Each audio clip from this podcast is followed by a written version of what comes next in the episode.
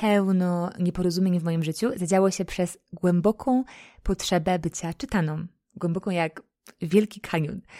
I to przez nią ryzykowałam własną szkolną reputację.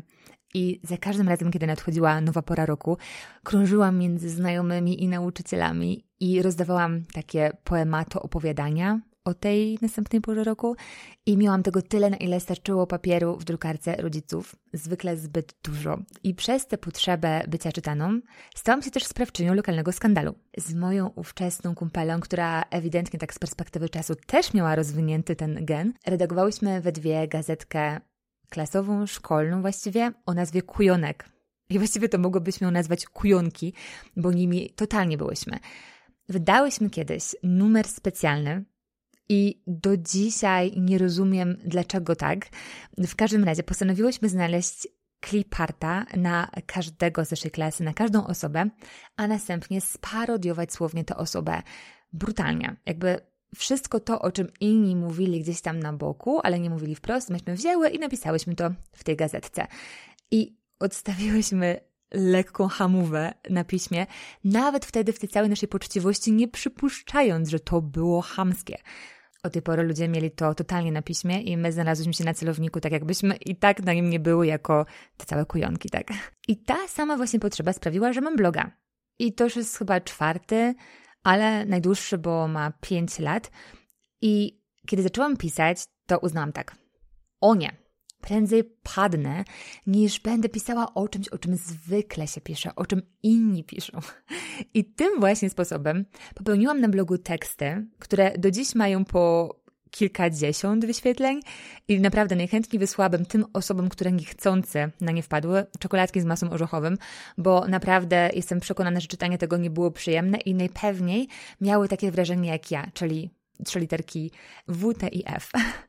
I nawet, słuchajcie, wcisnęłam pauzę i się przegrzebałam na sam koniec, a właściwie sam początek mojego bloga, żeby dać Wam próbkę. I teraz tekst numer jeden. Napisz mnie o północy. Twoja autobiografia. I do dzisiaj nie mam pojęcia, w czym rzecz. I to tekstu uczucie w ogóle nie zniknęło, kiedy przeskrolowałam sobie tego posta. I mam jeszcze jeden kwiatek, który nazywa się Zabiłam brak czasu. To brak czasu jest napisane z dużej litery i łącznie, bo oczywiście chciałam być mm, oryginalna. Jako, że napisałam razem, to nawet gdyby algorytm Google'a gdzieś do mnie przyszedł, to i tak nie wyłapałby tego jako tekst, który o braku czasu mówi, także zabiłam go, nawet jak chodzi o tą teoretycznie obiecującą frazę. Nieważne, w każdym razie tak tym trwałam i powiedzmy, że byłam oryginalna. No i Google mogłoby dla mnie nie istnieć, dlatego że praktycznie w ogóle nie miałam z niego wejść. Może tyle co jakiś błąd statystyczny. A teraz Analytics prawdę powie i co miesiąc po parę tysięcy osób trafia do mojego bloga przez teksty pod tytułem e, Biegasz, żeby schudnąć, tylko się nie rozczaruj oraz patenty na szybkie bieganie. Te dwa teksty generują mi jakieś 40% ruchu na blogu. I dlatego właśnie odbieram teraz grzecznie lekcje i z dziewczyny, która zawsze pisała o jakichś dziwnych niszach, w których nikt nie chciał nawet być, e, pójdę gdzieś totalnie w topowe i typowe tematy, ale one są wiecznie gorące i zdawałoby się, że odpowiedź na nie jest jasna i znana, ale mimo to te tematy się wciąż przewijają. I dlatego właśnie tym trzy razy dłuższym wstępem niż zamierzałam, zapraszam Was na kolejny odcinek podcastu Szybka i Wolna. Dziś nagrywam epizod z serii Szybka, w którym dam prawdziwe odpowiedzi na naj, naj, najczęściej powtarzające się pytania na grupie o bieganiu, którą lubię, czyli biegaczki, bo mam poczucie, że to jest grupa, na której nie ma jakiegoś parszywego hejtu.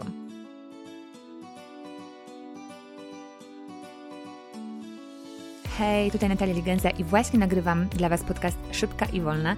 Jestem psychodietetykiem, trenerką biegania i przygotowania motorycznego w trakcie certyfikacji, a z moją siostrą tworzę copy i content writerski duet Dwie Weny.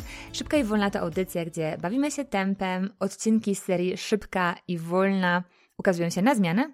Szybka to sport z naciskiem na bieganie, wolna to psychodietetyka, czyli opowieści o niejedzeniu, przejadaniu się i obsesji wokół jedzenia czy niejedzenia ale w przyszłości pewnie będę rozszerzała te odcinki o inne sfery życia, które też zahaczają o szeroko pojęte bycie szybkim i wolnym, ale dość tego pływania dobijamy do brzegu i zaczynamy dzisiejszy odcinek. chcę Wam opowiedzieć o takich pięciu ciągle powtarzających się pytaniach i o jednym typie posta, do którego chciałabym Was gorąco zniechęcić, a na końcu będę miała małą niespodziankę. I teraz słowem wstępu. Odniosłam się do forum, a właściwie do grupy na fejsie biegaczki e, i tak jak powiedziałam, ta grupa jest o tyle przyjemna, że nie ma tam tego, co często pojawia się na takich uniseksowych grupach. I teraz w sumie nie chcę sugerować, że powodem hejtu są mężczyźni, czy też mieszanka płci, ale może i trochę ma to znaczenie. W każdym razie biegaczki są naprawdę przyjemnym miejscem, żeby złapać trochę motywacji takiego vibe'u biegowego. Ale to, co się tam często dzieje, to to, co w sumie też na innych grupach, czyli przychodzi nowa osoba i nie korzysta z wyszukiwarki, tylko pyta o coś, o co pytały inne dziewczyny w tym samym tygodniu i w tym samym miesiącu i w tym samym roku i tak dalej. Mm, I ja to rozumiem, bo jestem totalnie empatyczna, więc wiem, że często chce się po prostu osobiście zapytać, dostać taką osobistą odpowiedź, ale często się zdarza tak, że one wieszają w głowie, bo raz, że odpowiadają przeróżne osoby, czasami takie, które mówią prawdę, czasami takie, które mówią niechcący nieprawdę i czasami takie, które mówią po prostu nieprawdę z jakichś względów i ciężko się przez to przeprawić, jeżeli jest się właśnie początkującą i zastanawiającą się nad czymś osobą. I dlatego właśnie pomyślałam, że dzisiaj przeskoczę przez te takie najczęściej powtarzające się pytania z nadzieją, że one komuś pomogą. To znaczy, że te odpowiedzi komuś pomogą. Pytanie numer jeden to są buty, to znaczy to pytanie ma różne wariacje, tak? Czyli co sądzicie o tych butach? Albo czy możecie polecić buty do biegania po, załóżmy, asfalcie? Albo czy możecie polecić buty w teren? I tak dalej. I ja wiem, że wszystkie odpowiedzi są udzielane totalnie w dobrej wierze, żeby komuś pomóc, ale tak łatwo się naciąć, że dzisiaj chwilę o tym. Myślę sobie, że z wyborem butów mm, i doradzaniem komuś odnośnie butów na odległość jest podobnie jak z jakimś kremem do twarzy czy coś, na zasadzie, że e, zadajemy pytanie typu hej, jaki krem do twarzy jest najlepszy? I to pytanie potencjalnie może mieć tak dużo niuansów i to nawet nie chodzi o jakiś rodzaj cery, tylko pełno innych, których nawet jako minimalistka w kwestii beauty totalnie nie ogarniam. I z butami jest trochę podobnie. Bardzo często jest tak, że osoby, które komentują na zasadzie, że o tak, ja je uwielbiam, to są te osoby, które przymierzały różne modele i wybrały akurat ten, więc fakt, że mówią, że go uwielbiają, znaczy, że przymierzyły go wcześniej i im pasował, więc to już jakby zaburza rzeczywistość, bo mamy taką niepełną próbkę. Poza tym but to jest tak indywidualna kwestia, zaraz powiem od czego to zależy, więc idealną opcją byłoby faktycznie, żeby po prostu kopnąć się do jakiegoś sklepu biegowego. I ja wiem, że nie zawsze to jest tak proste, ale mimo wszystko najbezpieczniejsze.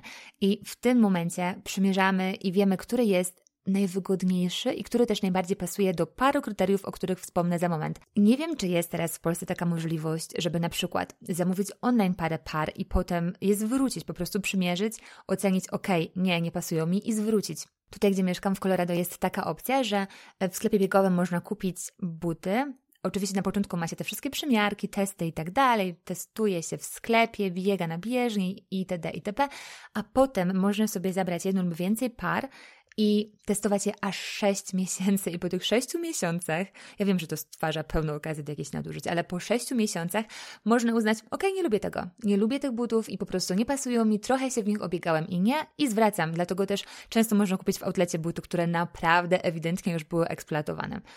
Ale nie o tym. W sumie nie wiem, jeżeli ktoś z Was słuchaczy wie, to niech da znać, bo może są jakieś sklepy biegowe, gdzie można bez problemu zamówić sobie przez internet ileś par i bez problemu je potem oddać po przymiarce. I teraz ja uważam, że wszystkie firmy, które produkują buty do biegania są dobre. I wychodzę z takiego założenia, że Adidas, Nike, Asics, Brooks, Hoka, Mizuno, New Balance, Saucony – Generalnie firmy, które produkują buty, produkują dobre buty, natomiast kwestia jest taka, czy znajdziesz ten właśnie but, który pasuje do Twojej stopy. I to, że jakaś firma większość butów jakiejś firmy mi nie pasuje, to jeszcze nie znaczy przecież, że te buty są do kitu, tak? E, często też czytam takie opinie na zasadzie, że a, mi to nigdy nie pasują um, Nike, więc są do kitu. I ja mam na przykład tak z Asicsem, że wiele modeli Asics mi nie pasuje z jakiegoś powodu, ale przecież to nie znaczy, że Asics generalnie produkuje beznadziejne buty. Wręcz przeciwnie, znam pełno osób, które uwielbiają biegać właśnie w Asicsach. Także popatrzyłam na to tak, że każda firma ma różne rozwiązania, różnie nazywa amortyzacje, rozwiązania, pianki, patenty, ale koniec końców to są firmy produkujące buty do biegania i mam do nich wszystkich zaufanie. Natomiast sztuką jest faktycznie wyłowić spośród tych wszystkich, wszystkich modeli taki, który najbardziej pasuje właśnie nam. I teraz powiem, co ma znaczenie i co można sprawdzić w domu, jeżeli z jakiegoś powodu nie ma się opcji, żeby podskoczyć do biegowego sklepu, a może to pomóc w wyłonieniu jakichś butów przez internet. Teraz od razu też Wspomnę o blogu Paweł Biega. On ma tam pełno testów butów i tabelki, które pomagają porównać mm, przeróżne modele.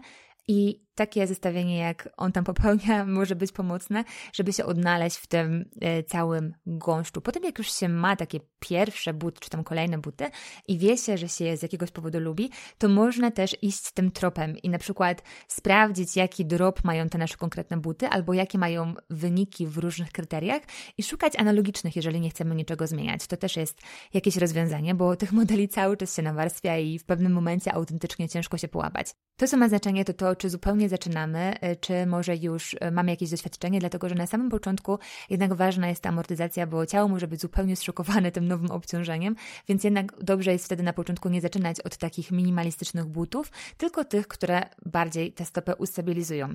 Ma znaczenie nasza waga, czy mamy na przykład dużą nadwagę i czy potrzebujemy tego wsparcia więcej, czy może niekoniecznie.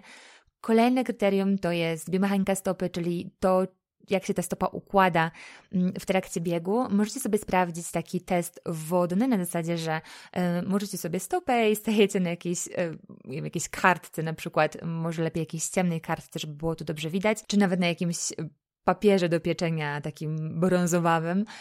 I patrzycie, jak wygląda ten odcisk i możecie sobie sprawdzić, ja teraz nie będę tego opisywała, możecie zobaczyć, jaki kształt stopy, co może oznaczać, bo to wskazuje w dużej mierze na to, w jaki sposób prowadzicie stopę i czy bardziej odchylacie ją na zewnątrz, czy może do środka, czy raczej neutralnie. I to jest takie główne kryterium, jak chodzi o wybór typu buta, bo mamy buty mm, neutralne, mamy buty dla osób, które mają supinację nadmierną e, i dla osób, które e, mają nadpronację. Co do rozmiaru, to w butach biegowych potrzebujemy zapas tak może być około jednego rozmiaru, tak generalnie plus minus pół do jednego centymetra miejsca po to, żeby, zwłaszcza jeżeli biegamy na przykład w jakimś tam pagórkowatym terenie, żeby nie e, mieć tego efektu czarnego paznokcia i żeby nie mieć zwyczajnie zbyt ciasno. Zwłaszcza, że stopa w trakcie treningu, czy też w ogóle w trakcie dnia robi się coraz bardziej taka napuchnięta powiedzmy, może zmienić trochę swój rozmiar, dlatego dobrze jest ten zapas w bucie biegowym mieć. One mają być wygodne. To jest cały czas główne kryterium. Mają być wygodne i mają sprawić, żeby biegało się nam jak najbezpieczniej. Jeżeli już mamy taki but na stopie, widzimy, możemy ocenić, czy on jest wygodny, czy przyjemnie nam się biega i tak dalej, czy warto się upewnić, że na przykład zapiętek dobrze przylega, czy to nie jest tak, że coś tam odstaje, bo wszystkie tego typu historie mogą sprawiać, że stopa nam się będzie przesuwać w tym bucie, jeżeli zaraz coś nas będzie obcierać i tak dalej. Może mieć też znaczenie, czy biegacie y, ze śródstopia, czy spięty, dlatego że niektóre buty mają w taki sposób ułożony drop i też kształt, że jakby tak wymuszają bardziej y, lądowanie w konkretny sposób, zwłaszcza właśnie ze śródstopia, więc osobom, które mm, lądują na pięcie, może to zwyczajnie przeszkadzać. Więc często jest tak, że zgadza się wszystko, tak? Mamy dobrany but, jak chodzi o naszą wagę, y, nasz y, poziom biegowy. O tym w sumie jeszcze nie wspomniałam, że to też trochę zależy do tego, po co nam jest ten but. Nie chodzi mi tylko o teren, ale też o to, w jakich startach um, chcemy go używać. Nie mówię teraz o tym, żebyśmy kupowali inne buty na 5 km, inne na 10 i tak dalej, chociaż osoby, które są już mocno wkręcone i mają tych butów dużo, dużo, to faktycznie y, czasami w taki sposób kolekcjonują swój asortyment y, biegowy, ale generalnie jest taka zasada, że na te krótsze dystanse Faktycznie ten but może mieć niewiele tego wolnego miejsca, tego takiego zapasu, powiedzmy, że tam pół centymetra, centymetr, ale w momencie, kiedy chcemy biegać w terenie, to potrzebujemy tego zapasu więcej i też jeżeli chcemy biegać dłuższe dystanse, to często właśnie ten but ma troszkę więcej zapasu, dlatego że właśnie stopa reaguje na to, jak długo jesteśmy na trasie. Jest też osobna kategoria butów, tak zwanych startowych, ale znowu to na samym początku nie jest nam w ogóle do niczego potrzebne. Natomiast jeżeli już się wkręcimy, jeżeli naprawdę dbamy o niuanse, to możemy mieć taką osobną parę startówek, które są takie bardziej dynamiczne, mają też mniejszą amortyzację i dają takie poczucie, i w sumie to nie jest tylko poczucie, ale też fakt, że można biegać trochę szybciej są takie po prostu jakby mniej kapciowate. Co do butów w teren, często też właśnie widzę, że ktoś biega mm, poza ścieżkami asfaltowymi, załóżmy w lesie, czy też po jakichś tam pagórkach, po łąkach, generalnie w szeroko pojętym terenie, ale nie w górach. Mm, I od razu chcę kupić buty górskie z takim agresywnym bieżnikiem, natomiast to też nie jest potrzebne. I mam takie wrażenie, że mm, przyjęły się właśnie takie podziały, że mamy buty na asfalt e, i buty w teren i to w teren znaczy na przykład, że weźmiemy je do lasu, a tymczasem do lasu wcale nie potrzebujemy mieć górskich, górskich butów, bo to wciąż nie jest trudny teren. To jest miejsce, gdzie możemy spokojnie biegać używając butów na asfalt.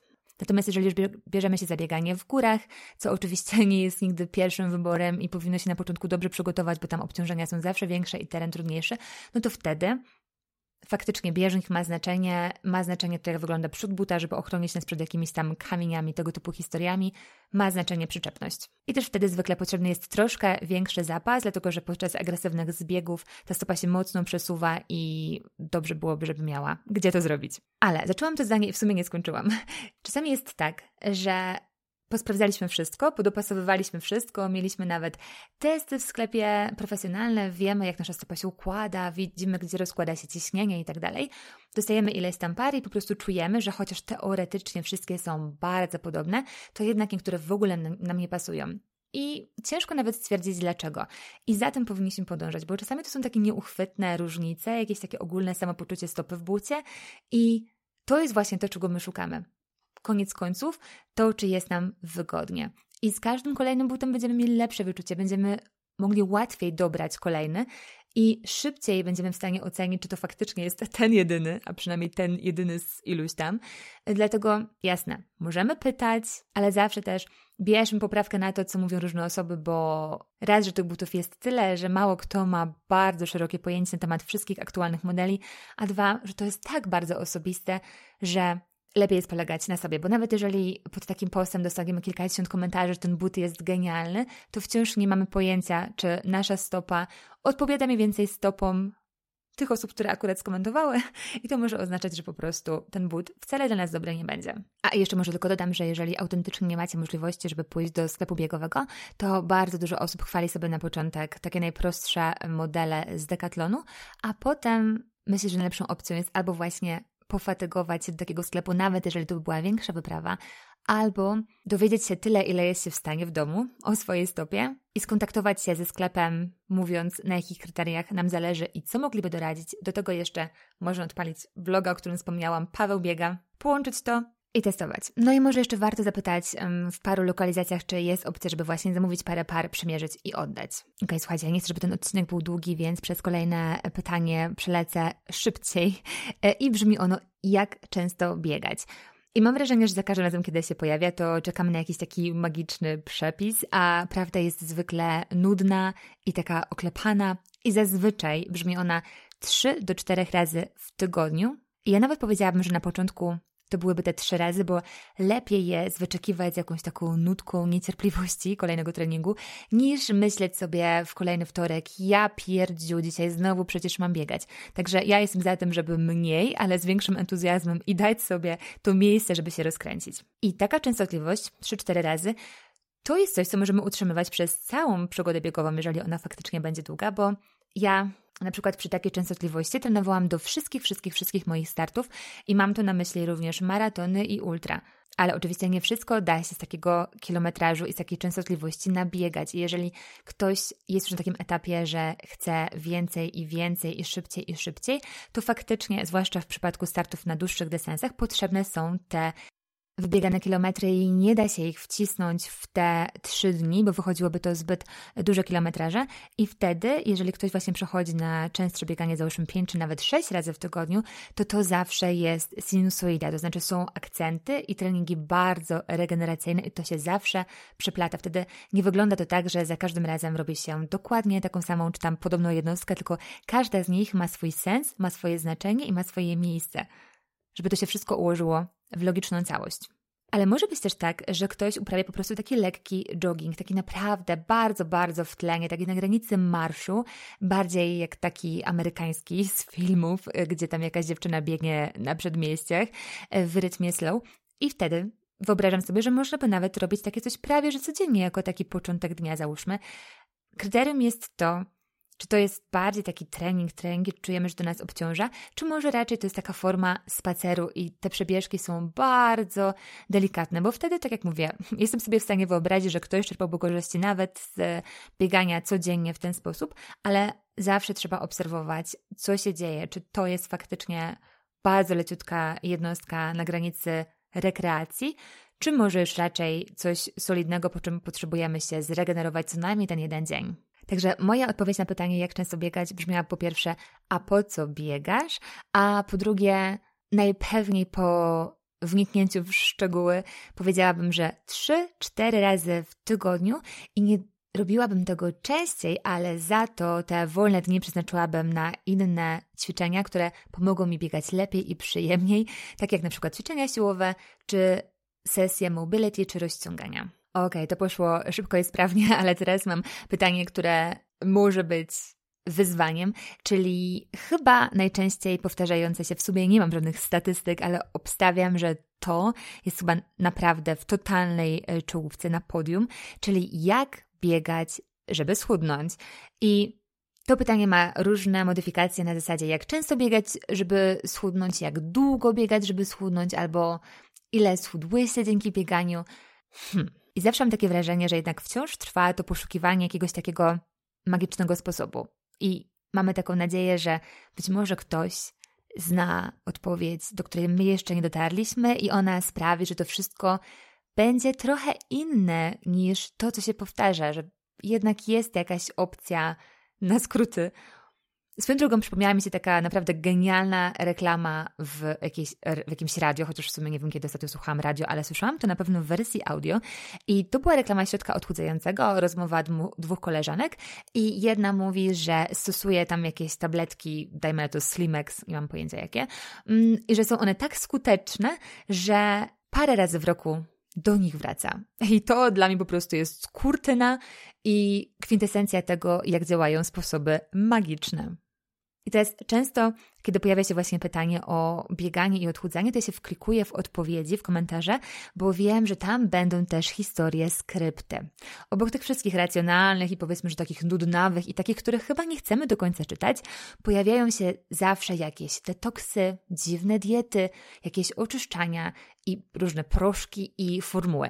I to jest ten moment, kiedy mi się już wydaje, że naprawdę do każdego dotarło, że jest w sumie tylko jedno rozwiązanie i ono może mieć różne odmiany, ale okazuje się, że nie. I co więcej, często jest tak, że te magiczne sposoby zbierają dodatkowe komentarze na zasadzie, czy możesz mi powiedzieć więcej, jak to było i tak dalej. I pamiętajcie, że też często osoby, które reklamują tam jakieś konkretne środki albo mówią coś na zasadzie napisz do mnie, to dam Ci więcej informacji, to są pracownicy różnych firm, które po prostu nabijają kasę na takich osobach, które chcą schudnąć w sposób wspomagany, powiedzmy to tak. I teraz, jak sobie myślę o takiej najszybszej odpowiedzi na pytanie, jak schudnąć e, biegając, to myślę sobie, że to zależy od osoby i od jej etapu i od wielu innych kryteriów. Bo tak, da się biegać i w ogóle nie schudnąć. I forma się poprawi najpewniej, jeżeli będziemy, jeżeli nie będziemy popełniać jakichś klasycznych błędów. Poprawi się nastrój i jakby cała ta paleta korzyści z biegania. W sumie mówiłam o niej w pierwszym odcinku, więc zapraszam. E, może się też zmienić kształt nóg i tak dalej, ale bardzo możliwe, że waga nie spadnie wcale i to będzie wtedy, kiedy zwyczajnie jedzeniem nadrobimy. I jeżeli koniec końców, jakby dokładając tę aktywność, a jedząc stosujemy, wylądujemy na tak zwanym zerze kalorycznym, czyli po prostu na tym, czego nasz organizm potrzebuje. Chociaż może być nawet jeszcze tak, że będziemy tyć biegając, bo niektóre osoby mają tak, że czują, że po bieganiu mają większy apetyt i są w stanie zajeść sobie, jakby wyrównać sobie, a nawet przekroczyć to wszystko, co zostało deficytowo wygenerowane przez bieganie. Ale zakładając, że tak nie jest. Może być tak, że um, funkcjonujemy sobie w jakiś tam sposób, jesteśmy mniej więcej na tym zerze kalorycznym i wiemy to tego, że nie tyjemy, nie chudniemy, trzymamy po prostu wagę na cały czas podobnym poziomie. I wtedy może wystarczyć, że dołożymy regularne bieganie i już ta waga spadnie. No bo jakby siłą rzeczy ten deficyt się wytworzy i on nie będzie jakiś bardzo duży, ale dzięki temu, że on nie jest taki bardzo duży, to jesteśmy w stanie długo w tym wytrzymać i cierpliwie czekając na efekty, zobaczymy je. Może być tak, że chcemy mieć nad tym większą kontrolę i decydujemy się na liczenie kalorii. I teraz znowu, możemy je liczyć, możemy nie. Liczenie kalorii e, jest o tyle ryzykowne, że możemy zaraz wpaść w mniejsze lub większe obsesje na tym punkcie, bo ciężko jest decydować, że liczy się kalorie, a jednocześnie zachować taki zupełny luz wokół jedzenia. A jako, że psychodietetyka jest moim konikiem, to nigdy nie sugeruję takiego rozwiązania. Zawsze myślę, że lepiej jest cierpliwiej, ale skuteczniej i zachowując właśnie taki totalnie zdrowy balans, chudnąć. I myślę sobie, że gdybym miała coś polecić um, dobrej kumpeli, to powiedziałabym, żeby wykupiła sobie taką naprawdę godną zaufania dietę, która będzie nie tylko dobrze zbilansowana przez dietetyka, ale też i może nawet przede wszystkim smaczna. Bo nie ma chyba nic gorszego niż jałowa dieta, na której jemy jakieś paskudztwa, a to wszystko w imię y, zmiany sylwetki. No a potem już wiadomo, co się dzieje. Wracamy do punktu wyjścia albo go przekraczamy, dlatego że takich rzeczy nie można jeść w nieskończoność. Tak naprawdę to jest tylko taki motyw, że idziemy na dietę, ale z niej z ulgą i z tęsknotą wracamy do powiedzmy normalności, a ta normalność daje takie konsekwencje, jakie mieliśmy wcześniej. I mogę Wam polecić od razu trzy dziewczyny, i to może zabrzmieć śmiesznie, od żadnej z nich w sumie nie brałam diety, dlatego że tego nie potrzebuję i nie chcę i tak dalej, ale wszystkie trzy, chociaż są różne, łączy jedna rzecz, która uważam jest bardzo, bardzo ważna, czyli podejście. Wszystkie też mają wyczucie smaku, kulinarną fantazję i są dietetyczkami, więc gdybym miała kupować jakąś gotową dietę, albo w ogóle gdybym chciała liczyć kalorie i kontrolować to bardziej niż tylko tak na oko, to mm, zdecydowałabym się na dietę albo od Kingi Witalnej mm, i ona gotuje głównie roślinnie i dania są pyszne i proste. Opcja druga y, to jest Monika Ciesielska, czyli Doktor Lifestyle w necie. Ona ma świetną serię diet z marketów, więc możecie kupić dietę z Biedry i dietę z Lidla. One są też ułożone sezonowo i wtedy potrzebujecie tak naprawdę pójść do jednego sklepu, kupić tam wszystko i temat macie z bańki, a do tego Monika naprawdę świetnie gotuje i często korzystam z jej przepisów. A trzecia opcja, którą mogę Wam polecić, to jest Sylwia Maksym, ona jest dietetyczką sportową, a do tego um, promuje roślinne gotowanie, więc w tych klimatach też ułożone są jej diety. Za wszystkie trzy dziewczyny ręczę, więc gdybym miała ochotę żeby nagle zacząć kontrolować kalorie, to najpewniej wybrałabym dietę właśnie od której z tych dziewczyn powiedziałabym, że będzie smacznie, że będzie urozmaicone, że będzie ułożone tak jak trzeba i wtedy wystarczy już tylko dopasować do tego bieganie i mamy deficyt. Nie chcę wchodzić dzisiaj głębiej w te mm, kwestie dietetyczne, dlatego że to jest temat rzeka i ten podcast znowu nie wyszedłby mi krótki. Ale zwrócę tylko uwagę na to, bo to się zdarza często, że już mamy jakąś świadomość, zaczynamy biegać i też jemy zdrowiej i często, często jest tak, że to zdrowe jedzenie jest naprawdę bardzo kaloryczne, a czasami wręcz bardziej kaloryczne niż to, które uważane jest powszechnie za niezdrowe. I jeżeli mamy w swojej diecie na przykład często jakieś masło wrzochowe, generalnie orzechy, pestki, jakieś fit brownie i kulki mocy, jakieś batoniki bakaliowe i tego typu historie, to może być tak, że faktycznie jemy zdrowo, ale przy okazji naprawdę kalorycznie. Stąd właśnie wiele osób ma taki dysonans na zasadzie, że okej, okay, co się dzieje, jem zdrowo, biegam i nic, albo wręcz tyję. A to może być właśnie przyczyna i też Warto jest wspomnieć, że jeżeli biegamy, to takie lekkie jedzenie, czasami niekoniecznie polecane w różnych tam dietetycznych poradnikach, czyli oparte na białej mące, oparte na prostych cukrach, jest dobre dla biegaczy, bo my potrzebujemy szybko dostępnej energii.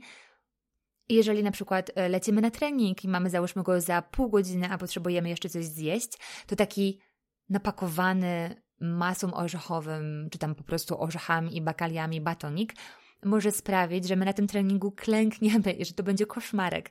I wtedy o wiele lepiej jest jeść coś bardzo lekkiego, typu jakieś wafle ryżowe posmarowane miodem, czy nawet, jeżeli czujemy się dobrze po mleku, zjeść e, cornflakesy z mlekiem, czy tego typu takie lekkie opcje, e, niż coś napakowane błonikiem, bo wtedy najpewniej będziemy czuć się mocno ociężali podczas takiego biegania. Ok, odchodzę od bie chciałam powiedzieć diety, bieganie i dieta, dieta i idę do biegania. Często pod takim pytaniem odnośnie tego, jak schudnąć biegając, pojawia się wskazówka rób interwały i teraz bing, dla mnie tu się włącza czerwona lampka, bo udzielając takich wskazówek nie wiemy tak naprawdę, jak ta osoba póki co biega i na jakim jest etapie. Interwały to naprawdę nie jest dobry trening na początku naszej biegowej drogi, a co więcej, no wcale nie jest aż tak efektywne, jak chodzi o spalanie tłuszczu. Zaraz Wam powiem więcej, ale najpierw, teraz póki mi jeszcze przychodzi to do głowy. Pamiętajcie, że pot to nie jest tłuszcz i że to, że my się bardziej spocimy podczas treningu, nic nie znaczy w kontekście spalania tłuszczu. Więc wszelkie pomysły typu bieganie z jakimś dziwnym pasem albo w bluzie i tak dalej, byleby się zgrzać, sprawia tylko i wyłącznie tyle, że więcej się spocimy. Koniec. No więc teraz, jaki powinien być ten trening, który najlepiej spala tłuszcz? Po pierwsze, wiadomo, on nie może być zbyt wolny, potrzebujemy mieć taki zakres tętna około 65 do 70% i dla wielu osób może być to ciężkie do określenia, zwłaszcza jeżeli nie ma się zegarka. Nawet jeżeli ma się zegarek, to wciąż może być to podchwytliwe, dlatego najlepszym wyznacznikiem tak na start, bez zbędnego wkręcania się i monitorowania siebie jak olimpijczyka, jest bieganie na oko, czyli takim tempie, który faktycznie jest lekkim biegiem, a nie spokojnym spacerem, ale też takim, które pozwala nam zachować cały czas komfort. Przez komfort mam na myśli, że jesteśmy w stanie pogadać z kimś, nie tylko zamienić jedno słowo, wyrzucić je z siebie, a potem dalej sapać, tylko w komforcie rozmawiać. Na początku często okazuje się, że nie jesteśmy w stanie biec dłużej niż załóżmy parę minut, a nawet i nie tyle, i mówić, że zaraz ten oddech robi się szalony i czujemy się zasapane i ledwie co jesteśmy w stanie funkcjonować. I to zwyczajnie oznacza, że potrzebujemy sobie spokojnie uznać etap, na jakim jesteśmy i przejść do marszu. I wtedy najlepszą opcją są marszobiegi. Opcji na nich jest pełno, Potem Wam jeszcze znowu powiem więcej. Ja mam wrażenie, że już tu mówię chyba dziesiąty raz, że coś powiem więcej, ale staram się to wszystko jakoś tak poukładać. I słuchajcie, to się w ogóle nie ma co spinać. Ja wiem, że często ma się takie poczucie z jakiegoś powodu, że przechodzenie do marszu to jest taka forma przegranej ale tak totalnie nie jest. Słuchajcie, ja biegam 17 lat i teraz jestem na etapie, gdzie od niecałego roku biegam w górach i ja też teraz często przechodzę do marszu, mimo że na asfalcie to było dla mnie nie do pomyślenia, ale przecież tak naprawdę to nie ma żadnego znaczenia, tak? Musimy uznać etap, na jakim jesteśmy teraz i się cieszyć tym, że się czegoś uczymy, bo jeżeli teraz potrzebujemy przejść do marszu, to najpewniej, jeżeli będziemy dalej regularnie biegać, truchtać, maszerować, to zobaczymy postęp, a ten postęp jest zawsze przyjemny, więc lepiej jest nie wyprztykać się ze wszystkich opcji na początku, tylko sobie spokojnie robić delikatne postępy, które utrzymają naszą motywację. Także, jeżeli czujemy, że nie jesteśmy w stanie te kilkanaście, dwadzieścia kilka, trzydzieści kilka minut y, biec sobie bardzo spokojnym tempem i będąc w stanie rozmawiać, to znaczy, że potrzebujemy interwałów, a czasami wręcz na początku szybkich marszów i tyle. I pamiętajcie, że tłuszcz się utlenia, dlatego właśnie trening powinien być tlenowy. Tlenowy to jest taki, gdzie mówiąc potocznie, cały czas jesteśmy w stanie dostarczyć tyle tlenu, ile jest naszemu organizmowi potrzebne, czyli nie dochodzi do zadyszki, takiego uczucia właśnie, że zaraz się przewrócimy, bo nie jesteśmy w stanie odpowiednio oddychać. I odnosząc się teraz do tych interwałów, jest tak, że im bardziej intensywny trening, tym mniejszy procent spalonych kalorii będzie pochodził z tłuszczu. Jeżeli na przykład mamy godzinny wysiłek i dajmy na to pierwszy wysiłek to będzie taka intensywna tabata, gdzie załóżmy nasze tętno oscyluje gdzieś tam w granicy 80%, to faktycznie spalimy w czasie takiego treningu dużo, bo załóżmy, że teraz będę rzucała liczbami, żeby jakoś to tam mniej więcej e, porównać. Załóżmy, że spalimy 700 kalorii, ale proporcje spalonych węglowodanów do tłuszczu to będzie 80 do 20, czyli tylko tam 100, 120 kalorii będzie pochodziło wtedy z tłuszczu, a cała reszta to będzie po prostu glikogen, czyli węglowodany. A jeżeli przez godzinę będziemy biec spokojnie, na to właśnie tam 65-70% e, tętna, czyli w tlenie i komfortowo, to spalimy mniej niż podczas takiej tabaty. Dajmy na to, że spalimy 500 kalorii, ale z tłuszczu będzie pochodziło aż 60%, czyli 300. Więc zobaczcie, teraz mamy trening, który trwa tyle samo czasu. Ten pierwszy, czyli ta tabata, była dużo bardziej intensywna, spaliła więcej kalorii, ale z tłuszczu pochodziło 120 kalorii, a ze spokojnego biegania, które trwało tyle samo czasu, ale spaliło mniej kalorii, o wiele więcej pochodziło z tłuszczu i to dwukrotnie więcej. I myślę, że to jest dobra odpowiedź na taką teorię, że interwały są najlepszą opcją, żeby ten tłuszcz spalić. Najlepszą opcją jest bieganie w tlenie.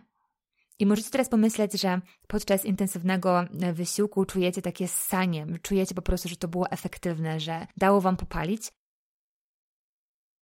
Ale to w kontekście spalania tłuszczu nic nie oznacza. To jest po prostu dług glikogenowy, potrzebujemy go szybko uzupełnić, dlatego mówi się, że po treningu tam do około 30 minut, maks godziny, powinno się zjeść coś i to coś powinno mieć minimum węglowodany i białko. Jeżeli szukamy sposobu na to, żeby podkręcić naszą podstawową przemianę materii, to dobrą opcją jest trening siłowy. On raz, że pomoże przy bieganiu, więc czasami lepiej jest właśnie mniej biegać, ale dorzucić trochę treningu z obciążeniem, choćby nawet tylko z obciążeniem własnego ciała. I zgubiłam teraz zdanie, ale chodzi mi o to, że jeżeli mamy więcej mięśni, to one tak potocznie mówiąc spalają więcej kalorii w tym samym czasie, czyli ktoś, kto um, jest załóżmy bardziej, nie chcę mówić przypakowany, ale po prostu umieśniony, ma więcej tej tkanki mięśniowej, no to spala więcej, nawet jeżeli siedzi i nagrywa podcast, niż ktoś, kto ten procent ma niższy. Także pod tym względem warto się zainteresować treningiem siłowym, ale też silniejsze mięśnie są po prostu dla nas taką podstawą i sprawiają, że jesteśmy bezpieczniej w stanie biegać i też generalnie przyjemnie funkcjonować. A i jeszcze jedno, bieganie na czczo. Mm, tak krótko mówiąc, nie opłaca się, nie ma sensu. Biegałabym na czczo tylko wtedy, gdybym autentycznie nie była w stanie mm, zjeść nic rano, nawet pół banana, nawet szklanki soku pomarańczowego, Albo wtedy, gdybym robiła bardzo delikatny trening, na tyle delikatny, że wiedziałabym, że nawet nie ma sensu nic jeść i że będę się czuła w porządku. Bo w każdej innej sytuacji bieganie na czczo to jest um, taki mało sensowny zabieg, który teoretycznie um, ma na celu sprawienie, że spalimy więcej kalorii, ale w praktyce to tak nie działa. I po pierwsze, biegamy wtedy mniej efektywnie, bo po nocy mamy obniżony poziom glikogenu, więc jesteśmy po prostu osłabieni, potrzebujemy go uzupełnić, dlatego często wielu osobom jest rano niedobrze i czują, że muszą coś zjeść, bo zaraz padną. Po drugie, nawet jeżeli rano nie zjemy śniadania i pójdziemy biegać, a potem załóżmy jeszcze w ogóle nic nie zjemy, bo się spieszymy, to zazwyczaj uzupełniamy te kalorie w ciągu dnia. A jeszcze, co więcej, może się zdarzyć tak, że im później to ten głód będzie się bardziej nawarstwiał, że sobie odbijemy to, co zjedlibyśmy rano, wieczorem, a wiadomo, że wieczorem zwykle odbija się z nawiązką. Także nie ma to większego sensu. Nie jest to strategia, która pozwala więcej schudnąć. Dla niektórych osób może być wręcz niebezpieczna, bo można zasłabnąć podczas treningu, można się po prostu źle czuć, mieć właśnie wrażenie, że ma się jakby zaciągnięty hamulec. I też, jeżeli mamy w planie jakąś taką konkretną jednostkę, to często bez jedzenia jesteśmy w stanie ją, nie jesteśmy w stanie zrobić jej tak dobrze, jakbyśmy mogli. Czyli siłą rzeczy jakby zrobimy ją po prostu wolniej, więc i tak spalimy tych kalorii mniej, jeżeli już tak operujemy w tych pojęciach spalania kalorii, spalania tłuszczu i tak dalej, chociaż naprawdę ich nie lubię, ale nie żyję pod kamieniem, wiem, że to jest coś, co często sprawia, że zaczynamy biegać, także tak z grubsza wygląda ta cała historia pod tytułem Jak schudnąć, żeby biegać? o tak, brawo Natka. Dobra, kolejny punkt. A, jeszcze tylko, słuchajcie, jeszcze jedna rzecz odnośnie tego mm, chudnięcia całego. Często się jeszcze pojawia takie pytanie pod tytułem ile schudłyście biegając?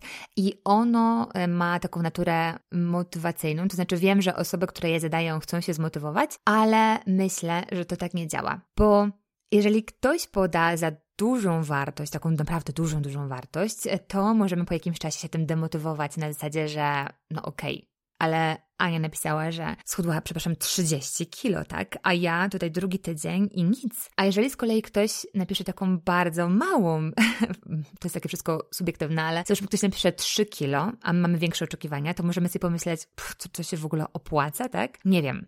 Więc chciałam tylko chyba zaznaczyć, że to zależy od tak wielu, to zależy, czyli od punktu wyjścia, bo wiadomo, że na początku, jeżeli mamy dużą nadwagę, jeżeli nic nie ćwiczyliśmy, jeżeli robiliśmy zupełnie to, co chcieliśmy, jak chodzi o jedzenie, szaleliśmy po nocach i tak dalej, to przejście na taką zdrowszą stronę mocy sprawi, że efekty będą spektakularne i widoczne w oczach. A jeżeli ktoś już od dawna funkcjonuje w taki zdrowszy sposób i ma też wagę w normie albo blisko normy, to ten spadek będzie zawsze wolniejszy, no niestety. Duże też ma znaczenie to, jak ktoś trenuje, jak biegał, jak często biegał, generalnie jak bardzo jest wytrenowany, bo może to jest osoba, która generalnie ma super poziom formy, zaczęła biegać i to nie był dla niej problem, więc od razu była w stanie na przykład pokonywać jakieś dystanse, które zajmowały jej po kilkadziesiąt minut albo i dłużej i ten wysiłek, wysiłek był po prostu dłuższy, więc to jest kolejny czynnik. Następny to to, jak ta osoba w ogóle jadła, przecież tutaj jest tyle scenariuszy, że głowa mała. Ma też znaczenie, kto ma jaką budowę, ile ma mięśni, jakie mam predyspozycje i tak dalej.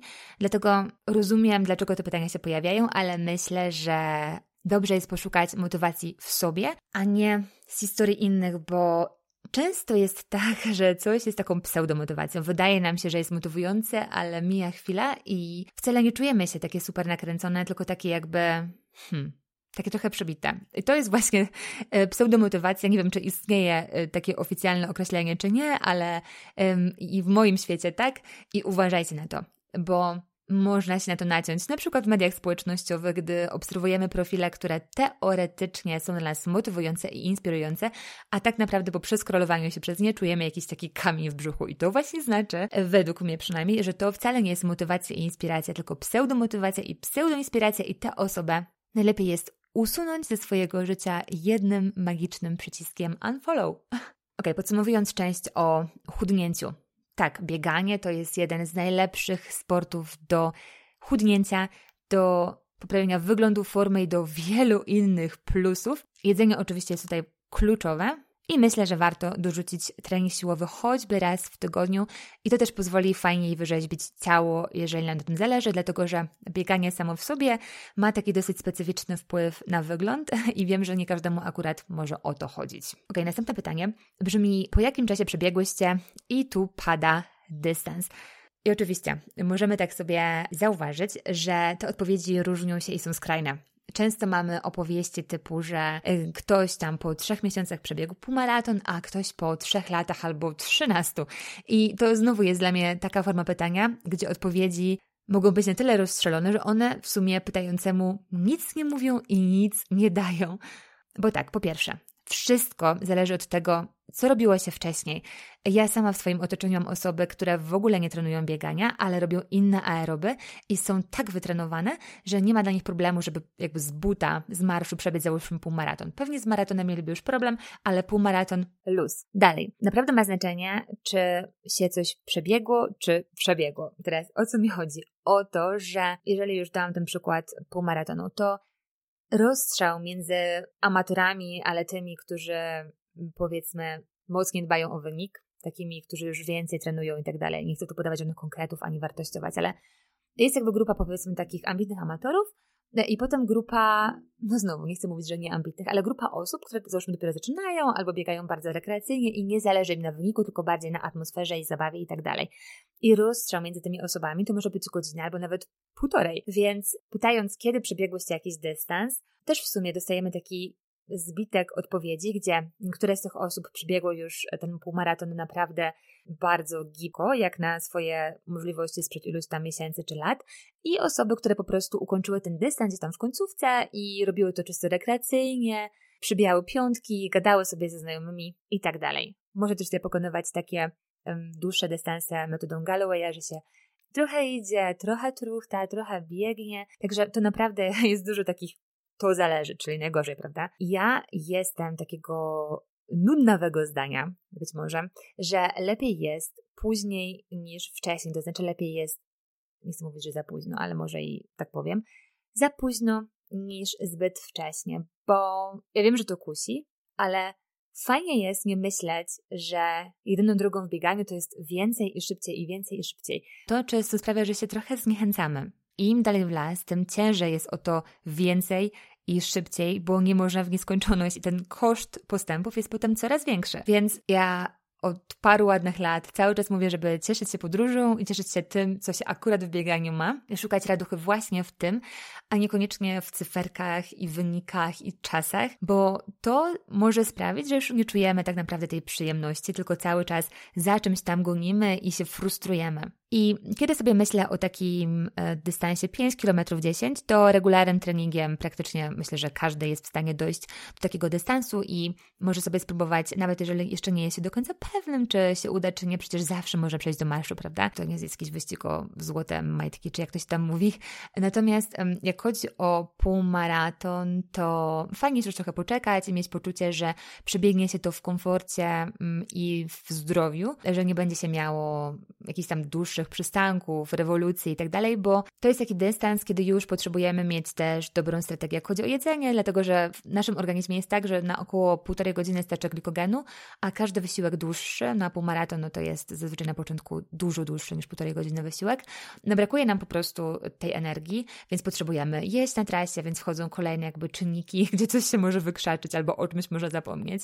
Mm, ważne jest też nawodnienie, Generalnie to już jest trochę bardziej skomplikowany dystans, co oczywiście nie znaczy, że nie jest w zasięgu. Myślę, że jest w zasięgu prawie każdego, ale fajnie jest trochę poczekać, myślę, i tak się nacieszyć tym, że w końcu się to ma. I też właśnie nie wskoczyć na taką trasę zbyt wcześnie, żeby się nie zrazić, a już zwłaszcza uważam, że tak jest z maratonem, bo często jest tak, że przebiegnie się ten półmaraton. I kolejna myśl jest taka, okej, okay, teraz maraton, tak? I ja to widzę coraz częściej, bo pamiętam, że kiedy ja jeszcze zaczynałam biegać tego typu dystanse, to miałam ogromną pokorę do maratonu. Ja znałam niewiele osób, które przebiegły ten dystans. Te, które znałam, po prostu uważałam za herosów. I to wtedy nie było aż tak popularne. Więc ja miałam do maratonu duży dystans i zaczęłam biegać go naprawdę późno, mogłabym pewnie o wiele wcześniej, bo kiedy zaczęłam, to pierwszy pobiegłam w 3.30, ale myślę sobie, że lepiej jest za późno niż za wcześnie, bo to jest autentycznie już taki dystans, który może sprawić, że będziemy mieli uraz, traumę, niechęć do biegania, nieprzyjemne wspomnienia i myślę, że to jest zbyt piękny dystans, żeby wskakiwać w niego za wcześnie, i sobie niszczyć te przecudowne wspomnienia z pierwszego maratonu. I teraz ostatnie pytanie, które brzmi: jak biegać szybciej? I ono często jest właśnie formułowane tak bardzo krótko, na zasadzie jak biegać szybciej. Albo na początku jest e, skarga, że biegam, biegam, ale nie mam postępów, jak mam biegać szybciej? I tutaj znowu często się pojawiają odpowiedzi typu interwały, albo rób podbiegi, rób siłę biegową i wszystko się zgadza, ale znowu to są jednostki dla osób, które są już bardziej doświadczone. Jeżeli ktoś na początku swojej drogi zniechęcony, wejdzie od razu w tego typu jednostki i jeszcze zrobię je na przykład niepoprawnie albo za mocno i tak dalej, no to to nie przyniesie w ogóle żadnych skutków. Interwały, podbiegi, generalnie takie jakościowe treningi powtykane gdzieś tak losowo w plan treningowy zupełnie nic nam nie dadzą. To wszystko musi być jedna logiczna całość, gdzie mamy powplatane mocniejsze treningi, lżejsze, mocniejsze tygodnie, lżejsze tygodnie i to wszystko układa się w jedną logiczną całość, więc takie losowe wybieranie sobie jednostek, które teoretycznie mają sprawić, że będziemy szybsi, tak naprawdę nic nam nie da, a może wręcz zaszkodzić. Muszę uprzedzić. Wiem, że często mówię o tych kontuzjach i tak dalej, ale to tylko i wyłącznie dlatego, że będąc w bieganiu amatorskim 17 lat, tak często słyszę o różnego rodzaju kontuzjach, że oczy mi się szeroko otwierają i myślę, że możemy zrobić naprawdę dużo, żeby zwyczajnie nie wpadać na tego typu pułapki. Z tym szybszym bieganiem to jest w ogóle tak, że czasami zbyt prędko się wyprztykujemy z tych różnych środków treningowych, bo chcemy spróbować tego i tego i tego, a potem się okazuje, że brakuje nam opcji na to, żeby pójść dalej, dlatego naprawdę czasami lepiej, zwłaszcza na początku, się uspokoić i pomyśleć sobie, że postęp przyjdzie z samego faktu budowania coraz lepszej bazy, czyli tych spokojnych kilometrów. I Jasne, że niektórym to przychodzi szybciej, niektórzy, niektórzy potrzebują więcej czasu i rozumiem, że to może być demotywujące, jeżeli jesteśmy w tej drugiej grupie, ale jeżeli tak jest, to wtedy rzucanie się na jakieś takie bardziej dynamiczne jednostki wcale nam nic nie da. Więc jeżeli bardzo nas frustruje to, jakie tempo widzimy na zegarku, to trzeba wyrzucić ten zegarek, schować go do szuflady i naprawdę nie patrzeć na to i nie przejmować się i się nie porównywać, bo i wiem, że brzmi teraz jak jakaś babcia biegania, ale naprawdę za moich czasów, kiedy ja zaczynałam biegać, to to był komfort, że nie miałam nawet okazji, żeby się porównać do kogokolwiek. I przynajmniej nie musiałam się zastanawiać, czy jestem wolna, czy szybka. Proszę, jak mi tutaj wyszło. Z grą słów. Ok, to teraz szybko. Co ma znaczenie, jak chodzi o prędkość? Po pierwsze, technika. I tutaj takie podstawowe rzeczy, bo znowu temat rzeka, ale nie skaczemy do góry, bo wtedy tracimy energię. Nie machamy rękami jakby do góry, bo wtedy znowu energia leci jakby w kosmos zamiast do przodu, to ona leci do góry, tracimy to. Nie robimy długich szusów przed siebie, bo jeżeli tak zrobimy i zamiatamy nogą bardzo daleko przed um, oś swojego ciała, to wyhamowujemy. Dobrze jest sobie sprawdzić kadencję, bo wiele osób biega z bardzo niską, a mówi się, że te 180 to jest taki mm, rekomendowany, optymalny, brzmi korporacyjnie poziom. W każdym razie, na, nawet jeżeli jesteśmy nie do końca w tych 180, to bardziej chodzi o to, żeby się do tego przybliżyć, bo często jest tak, że biegamy z bardzo niską kadencją i to sprawia, że po prostu um, ten moment przetoczenia stopy jest powolny i to jakby pomnożone razy kilka tysięcy albo kilkanaście tysięcy kroków sprawia, że biegamy wolniej niż byśmy mogli. Dlatego pamiętamy o tych niuansach, lekko się pochylamy do przodu, bo chcemy biec do przodu, a więc nie odchylamy się, tylko pochylamy. I to by było na tyle, jak chodzi o najważniejsze punkty co do techniki. Ważna jest generalna sprawność, czyli to, czy mamy wzmocnione ciało, czy robimy treningi uzupełniające, bo jeżeli tak, jeżeli jesteśmy tak generalnie silni, to ekonomika naszego biegu też jest lepsza. Ma znaczenie odpoczynek, czy nie jesteśmy przemęczeni, bo często też widzę właśnie, jak e, dziewczyny, bo tak jak powiedziałam, przesiaduję tylko na babskim forum biegowym, rzucają um, swoimi treningami i to jest naprawdę dużo. Otwieram oczy ze zdziwienia, jak one dużo biegają.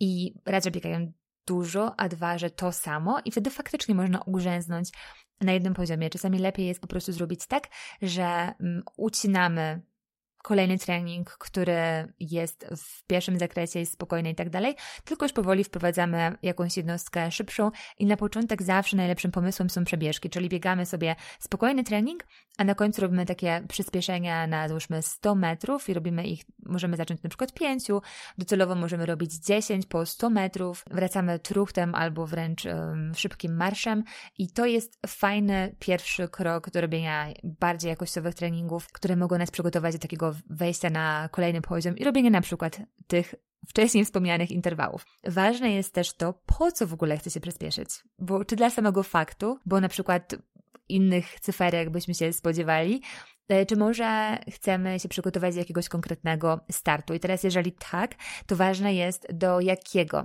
Zwykle na początku wiadomo, że to będą raczej te krótsze dystanse. W każdym razie to ma znaczenie, w co celujemy. Bo na przykład, jeżeli biegamy na 5 km i chcemy tam przyspieszać i przyspieszać, to dobrze robią interwały w tempie startowym i szybszym. Przy 10 km ma już znaczenie wytrzymałość tempowa, więc robimy znowu inne jednostki pod to. Pojawiają się na przykład biegi na progu, czyli w takim tempie na granicy, gdzie e, jesteśmy w stanie utrzymać na początku załóżmy 20 minut, potem 40, coś koło tego maksymalnie godzina. Do półmaratonu i maratonu sprawdzają się na przykład treningi z narastającą prędkością. Także znowu, jakby to wszystko zależy. Nie ma jednej jednostki, która jest dobra na wszystkie te mm, dystanse. Jedyne, co je łączy, to to, że każdy potrzebuje mieć bazę w postaci właśnie wolnych, wyklepanych kilometrów. Ma też znaczenie jedzenie. Napędem biegacza są węglowodany, czyli jeżeli jesteśmy na przykład na diecie, załóżmy keto, i tych węglowodanów mamy naprawdę mało, a żywimy się głównie tłuszczem i białkiem, to to może być wskazówka, dlaczego czujemy, że nie mamy po prostu na treningach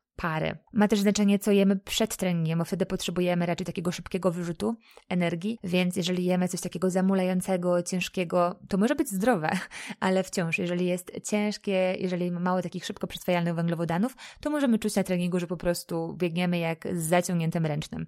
Ma też znaczenie to, czy jesteśmy zdrowi, czy nie mamy czasem jakichś zaczątków anemii, czy się suplementujemy witaminą D3, generalnie badania, krew, czy tam jest wszystko w porządku, czy nie ma niedoborów, więc jakby dużo jest tego, to zależy, ale prawda jest taka, taka, że może być czasami coś nie tak w jednym z tych elementów i to sprawia, że nie biegamy tak szybko, jakbyśmy mogli. I jeszcze na koniec, w kontekście tego szybszego biegania, powiem o psychice, bo wiecie co? Jakiś czas temu nagrałam sobie tak zupełnie zajawkowo na spontanie medytację do biegania. Pomyślałam, że to będzie fajny eksperyment, chociaż ja sama dopiero zaczynam medytować, ale miałam jakieś takie flow i od tej pory dostałam tak dużo cudownych wiadomości odnośnie tego nagrania. Też możecie go spróbować. Jest dostępny nawet w tym podcaście jako odcinek i to, czego się nie spodziewałam, chociaż wiedziałam, że może się wydarzyć, to to, jak wiele osób napisało mi, że biegnąc z medytacją da się biegać szybciej. I ja to odczułam, kiedy testowałam tę medytację, upewniając się, że wszystko jest w porządku, i byłam zaskoczona tym, co zobaczyłam na zegarku.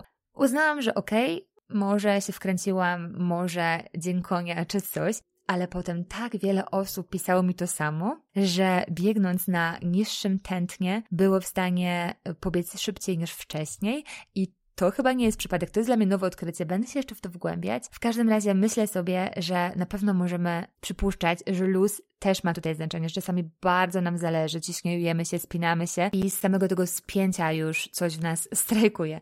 Więc zachęcam, żeby spróbować też przebieżkę z taką e, medytacją i żeby zobaczyć, co się podzieje. Ale co jeszcze? Ta psychika ma naprawdę znaczenie, jak chodzi o przeróżne aspekty i historie. Czasami jest tak, że właśnie już jesteśmy obiegani w tym pierwszym zakresie i chcemy zacząć robić jakieś trudniejsze jednostki i kiedy tylko wchodzimy na wyższe tętno, to się blokujemy i po prostu nie jesteśmy w stanie tam długo wytrzymać, bo czujemy taki dyskomfort, czujemy się tak źle z tym, że nasz oddech przyspieszy, że na przykład musimy głośniej oddychać, że nie jesteśmy w stanie tego przejść, przynajmniej tak nam się wydaje.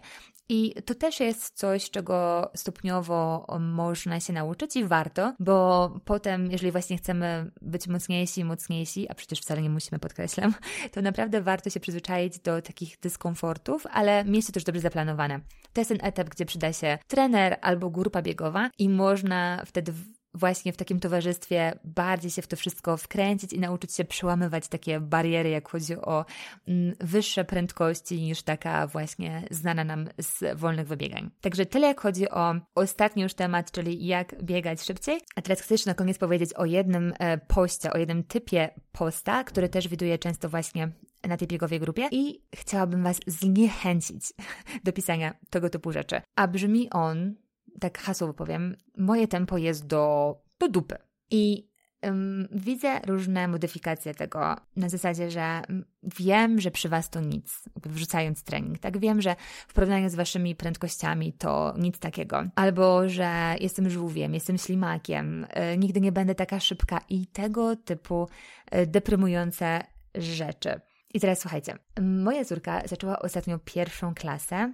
Tutaj w Stanach jest trochę inaczej, ma się 6 lat, jak się zaczyna. I miałam ostatnio pierwszą, powiedzmy, wywiadówkę. I zapytałam wychowawczynię mojej córki o ocenę. I ona mi powiedziała, że nie ma czegoś takiego jak ocena, która wartościuje dziecko na tle całej klasy, tylko jest system oceniania, który mówi, jak ma się Nadia do Nadii. I każde dziecko do każdego dziecka do siebie. To znaczy, to chciałam powiedzieć. Czyli porównujemy się tylko do siebie i ma znaczenie, czy dziecko zrobiło postęp versus to, co było tam jakiś czas temu, a nie to, jak ono się ma do innych dzieci. I teraz w sumie nie wiem, jak to jest dalej w kolejnych klasach tutaj w Stanach, nie wgłębiałam się w to, ale czy to nie jest genialne? I myślę sobie, że dokładnie to samo byłoby cudownie wziąć na bieganie. No bo patrzcie, będą wiadomo dziewczyn, mam wrażenie, że to jest taka kobieca przypadłość. I kurczę, biegacie, tak? No kiedyś pewnie jeszcze było to dla Was nie do pomyślenia, pewnie i tak już jesteście zaskoczone, że Wam dobrze idzie, że się tego trzymacie, że robicie postępy. Więc serio, odetnijcie się od tego, nie porównujcie się, nie piszcie sobie takich wesołych, yy, zabawnych, ironicznych, ale jednocześnie dokopujących sobie komentarzy i kochajcie te swoje liczby, bo tak jak waga totalnie nas nie definiuje, tak samo te cyferki, które widzimy na zegarkach czy na telefonach i tak dalej jeżeli tak bardzo jest to dla nas gnębiące i takie deprymujące, to trzeba się pozbyć problemu, a problemem nie jest wtedy nasze tempo, tylko to, co nam o tym tempie mówi. Czyli jeżeli nie potrafimy w danym momencie zmienić nastawienia, to wyrzucamy te zegarki, odinstalujemy aplikację i widzimy wtedy, co się wydarzy, a gwarantuję, że nie wydarzy się nic, poza tym, że poczujemy prawdopodobnie większą ulgę że możemy się teraz wczuć w siebie i nie porównywać siebie do historii, które dzieją się naokoło, bo my nigdy nie wiemy. My nigdy nie wiemy, ile kosztuje tę dziewczynę, do której wzdychamy, do której cyferek wzdychamy, to, że ona te cyferki ma i być może w ogóle nie chciałybyśmy się z nią zamienić i nie chciałybyśmy płacić aż takiego kosztu i wkładać aż tyle wysiłków w treningi, co wkłada ona. Ok, jeszcze obiecałam coś na koniec. Wiem, że możesz chcieć przeróżnych rzeczy w tym bieganiu. Jeśli akurat tak się składa, że chcesz zacząć i wytrwać dłużej niż, dajmy na to, dwa tygodnie e, tego pierwszego zapału, albo chcesz wiedzieć, co masz robić, żeby ten postęp się jednak pojawiał, albo zależy Ci na towarzystwie, na przekór tej takiej osławionej samotności biegacza, to ja właśnie z myślą o takich osobach jak Ty wymyśliłam coś, co wiem, że jest bardzo, bardzo pomocna. I są to nagrania do biegania, czyli taki pakiet audio, pakiet podcastów, który poprowadzi Cię za rękę przez praktycznie pół roku, w zależności od tego, ile treningów będziesz robić. Jest to tak proste, jak tylko może być. Potrzebujesz tylko słuchawek, no i oczywiście butów. Wiesz, co robisz. Nie musisz się zastanawiać przed kolejnym treningiem. Włączasz sobie odpowiednie nagranie. Ja Cię motywuję, mówię, co biegamy, liczę powtórzenia, daję Ci opcję na modyfikację, Zaczynamy w takiej najprostszej wersji od marszu biegów, czyli możesz zacząć autentycznie od zera i dopasowujesz to potem do siebie. Możesz biegać cały czas, a możesz działać na marszobiegach. I słuchajcie, ja naprawdę zaszalałam, kiedy to nagrywałam, ale nie dość, że te odcinki muzyczno-treningowe starczają aż na 16 tygodni, mm, to jeszcze dograłam 10 odcinków tematycznych i w niektórych rozgaduje się tak jak w tym dzisiejszym, więc można je dzielić na dwa treningi. I każdy odcinek to jest jeden temat, na przykład dieta, motywacja, trening mentalny, organizacja czasu, nastawienie, błędy, akcesoria potrzebne do biegania, generalnie wszystkie takie najważniejsze rzeczy, które potrzebujesz wiedzieć które mogą Cię interesować gdzie masz w głowie pełno teorii, czy to z grup biegowych, czy z internetu albo z książek. A żeby jeszcze było Ci łatwiej, to do pakietu załączam takiego mini e-booka, gdzie znajdziesz namiary na zestawy z rozgrzewką, rozciąganiem, treningiem um, uzupełniającym na stabilność i na mobilność, a oprócz tego jeszcze pełno mini wskazówek odnośnie jedzenia, terminów biegowych i wielu innych rzeczy, o których teraz Ci nie będę opowiadała już tutaj, bo e, być może już o nagraniach e, słyszałaś albo słyszałaś. W każdym razie więcej informacji jest na nagrania do biegania.pl. Ja gorąco zapraszam wszystkie te osoby, które chcą zacząć i zapraszam tak bardzo, bardzo gorąco, dlatego że wiem, jak bardzo może to pomóc, e, kiedy się startuje i to jest moje totalne szczęście z zeszłego roku, że to wymyśliłam i że działa właśnie tak, jak miałam nadzieję, że zadziała. I najczęściej powtarzające się komentarze odnośnie nagrań to jest kosmos, sztos albo różne modyfikacje tego potrzebowałam, w końcu biegam i nie mogę się doczekać kolejnego treningu. Dla tych wytrwalców, którzy są ze mną, mimo że tyle już mówię, daję prezent w postaci zniżki 10% na zachętę, a hasło brzmi szybka i wolna. Wystarczy je wpisać dodając produkt do koszyka. Jak wejdziecie sobie na nagrania do biegania.pl, to macie też do wyboru dwa pakiety, gdybyście mieli wątpliwości, które wybrać, czym się one różnią lub generalnie pojawiają się jakiekolwiek pytania, to jestem dostępna w sieci jako Natalia Ligenza albo jako Run with Mom, chociaż niedługo to Run with Mom się pewnie będzie zmieniało. Jeżeli tylko chcecie, to uderzajcie do mnie i odpowiem na każdą wątpliwość. A teraz kończę już ten odcinek, w którym chciałam szybko, a wyszło tak średnio, przylecieć po naj najczęściej powtarzających się pytaniach zaczerpniętych z biegowej grupy na fejsie. Mam nadzieję, że pomogłam tym odcinkiem. Nie mogę się już doczekać kolejnego naszego posłuchania. Jeżeli chcesz się ze mną podzielić czymkolwiek po tym odcinku, daj mi proszę znać, bo nagrywanie podcastu jest przedziwnym doświadczeniem. Siedzę, nawijam do mikrofonu i każdy sygnał, że warto i że to ma sens, jest dla mnie na wagę złota. Ściskam mocno, pozdrawiam gorąco i do usłyszenia za tydzień. Pa!